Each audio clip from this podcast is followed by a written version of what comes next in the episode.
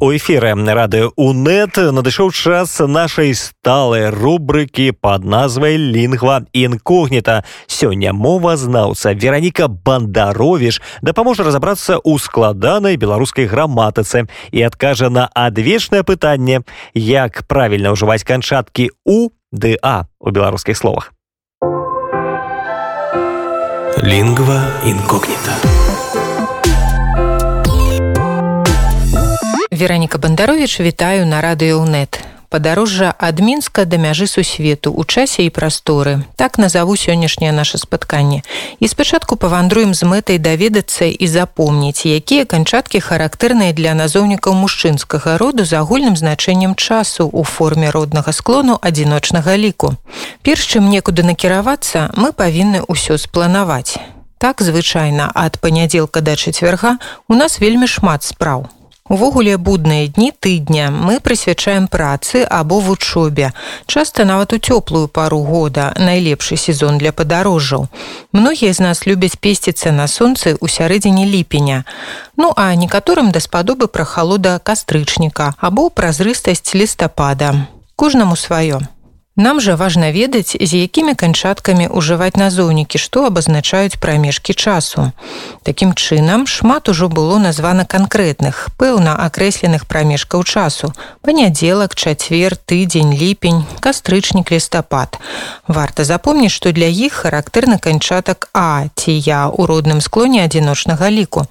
Тое ж адносіцца да слоў аўторак, семестр, дзень, год, Значыць, ад панядзелка да аўторка, чацвярга, іншага дня тыдня, а таксама з ліпеня, кастрычніка, лістапада. Вядома, вандроўка справа не аднаго дня. Бывае яна так захоплівая, што расцягваецца надоўга. Ну як тут вернешся, калі столькі цікавага яшчэ не спазнана, А на марскім пляжы дык і ўвогуле можна забыцца пра тэрмін свайго знаходжання ў той ці іншай краіне. Як вы заўважылі, мы пашырылі часавыя межы і гаворка цяпер пра такія назоўнікі, як перыяд тэрмін прамежак. Яны не звязаныя з канкрэтным абмежаваннем. Гэта больш агульныя словы, чым, напрыклад, дзень або год. Таму ў родным склоне адзіночнага ліку ім уласцівы канчатак у. Значыць, няма тэрміну, перыяду, прамежку і ўрэшце часу. Такім чынам шмат новага можна спазнаць у падарожжах, як рэальных, так і ўяўных. Прычым атрымаць веды не толькі геаграфічныя, але і лінгвістычныя. Далей такім жа чынам згадаем канчаткі іншых назоўнікаў другога скланення ў форме роднага склону адзіночнага ліку, якія заўсёды выклікалі і выклікаюць шмат пытанняў. Для таго, каб разабрацца з набалелым, а пісаць ці вымаўляць або у павандруем у прасторы. Спачатку спынімся на канкрэтных населеных пунктах. Напісанне і вымаўленне іх назваў у родным склоне. Мінск, ваўкавыск, гданьск, калінінград, стакгольм, такія напрыклад прыпынкі зробім што аб'ядноўвае гэтыя і многія іншыя назвы гарадоў і населеных пунктаў якія заканчваюцца на зычны гук тое што ў форме роднага склону адзіночнага ліку яны ўжываюцца ў беларускай мове з канчаткам а зазірнём у любы сучасны зборнік правілаў, дзе ёсць звесткі пра канчаткі і ўбачым наступныя. Агульныя і ўласныя назвы населеных пунктаў і мясцовасцей, геаграфічныя і астранамічныя назвы, гідронімы, гэта найменне водных аб'ектаў. У родным склоне адзіночнага ліку маюць канчатак А ці я. Значыць, пішам і вымаўляем горада мінска, ваўкавыска, гданьска, калінінграда, стакгольма, лондона, рыма, а таксама алтая, крыма, марса, сатурна, нёмана, буга. Пашырым геаграфію, пяройдзем ад канкрэтных пунктаў да больш маштабных паняццяў. Абшар, краявід, сусвет, космас, цяпер пад увагай гэтыя і падобныя словы. Яны абазначаюць розныя формы прасторы, месца, прычым значныя па плошчы. Такія назоўнікі ў родным склоне адзіночнага ліку маюць канчатак у абшару, краявіду, сусвету, космасу.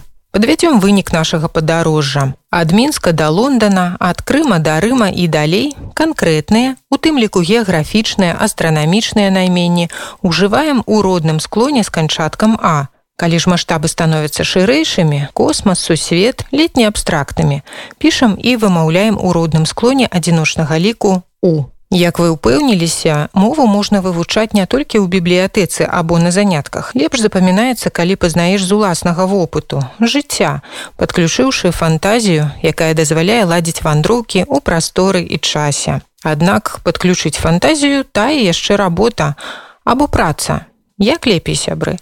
Думаю, гэтая тэма вартая невялікага каментарыя. Дарэчы, паназіраўшы замоўнымі з'явамі часам здзіўляюся парадоксам. Вось, напрыклад, усім вядома, што ў сучаснай беларускай мове няма слова труд. Адпаведнае паняцце выражае назоўнік праца.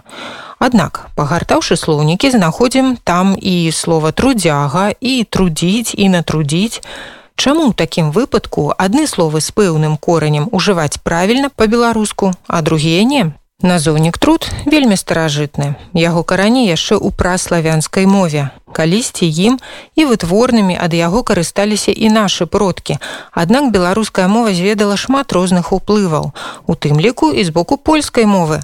Менавіта адтуль і трапіў да нас назоўнік праца. Ён з цягам часу і атрымаў свою асаблівую перамогу над словам труд і быў замацаваны ў беларускай літаратурнай мове. Аднак вытворныя ад труд так і засталіся.